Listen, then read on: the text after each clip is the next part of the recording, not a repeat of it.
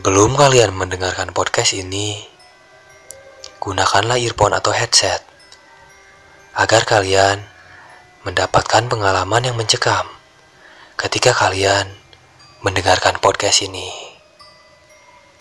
And welcome back to Scary Voice Podcast.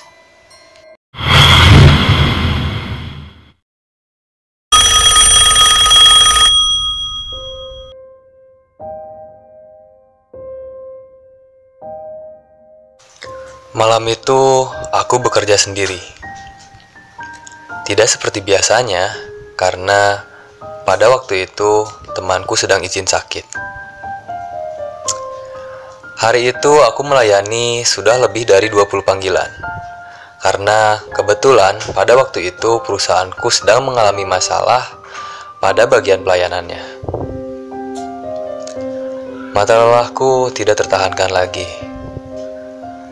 Aku sempat memejamkan mata untuk beberapa saat sebelum salah satu line berbunyi. Saat aku angkat, tidak ada suara. Namun, saat aku mau menutupnya, aku mulai mendengar suara jeritan kecil. Aku langsung mendekatkan gagang telepon itu ke kupingku. Lama-kelamaan, teriakan itu semakin keras, dan jujur saja, aku panik pada saat itu. Aku mencoba menanyakan apa yang terjadi. Suara wanita itu hanya terus berteriak meminta tolong. Aku kebingungan, dan akhirnya aku menanyai lokasinya. Di depan gedungmu, teriakannya sebelum telepon itu mati. Aku sangat kaget dan langsung berlari ke pintu depan. Saat itu, kantor hanya tersisa aku dan dua petugas keamanan yang tidak tahu sedang ke mana. Saat tiba di pintu depan, tidak ada seorang pun sama sekali di sana. Keadaannya sunyi, gelap, dan sangat dingin. Tapi, aku mendengar suara cairan yang jatuh ke lantai. Saat aku lihat, ada seorang wanita yang digantung dengan kepala yang sudah membiru dan sekujur tubuh yang sudah berdarah. Sontak aku pun berteriak. Kemudian mata wanita itu menjadi merah menyala. Aku tidak bisa ke mana-mana pada saat itu. Kakiku terasa lemas dan aku pun tidak sadarkan diri. Singkat cerita, aku dibangunkan oleh kedua petugas keamanan di sebuah klinik yang di mana klinik itu tidak jauh dari kantorku.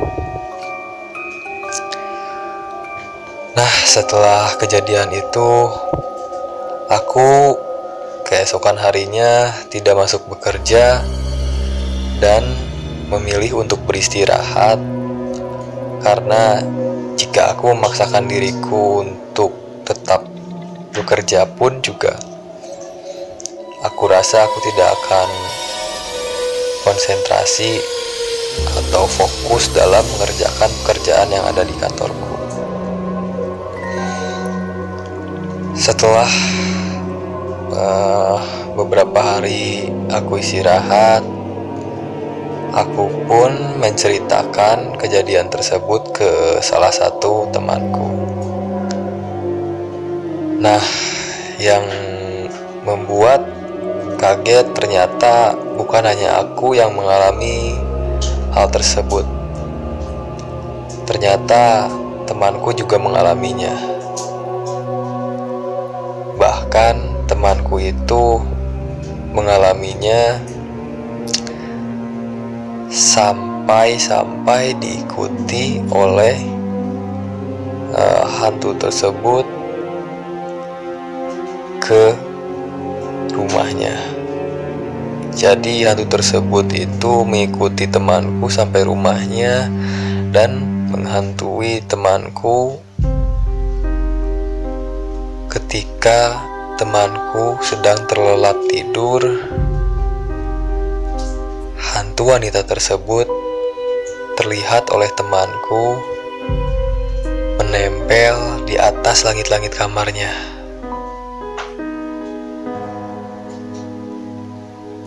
Jadi, bisa ditarik kesimpulan bahwa tidak menutup kemungkinan sosok astral atau yang biasa kita sebut dengan hantu ternyata bisa mengganggu kita melalui media telepon.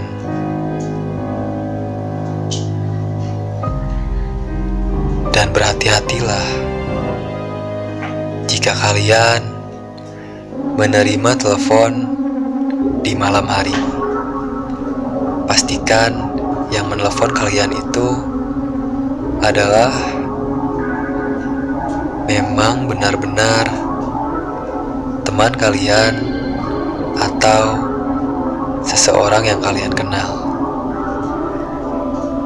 Aku berharap kalian tidak mengalami hal yang serupa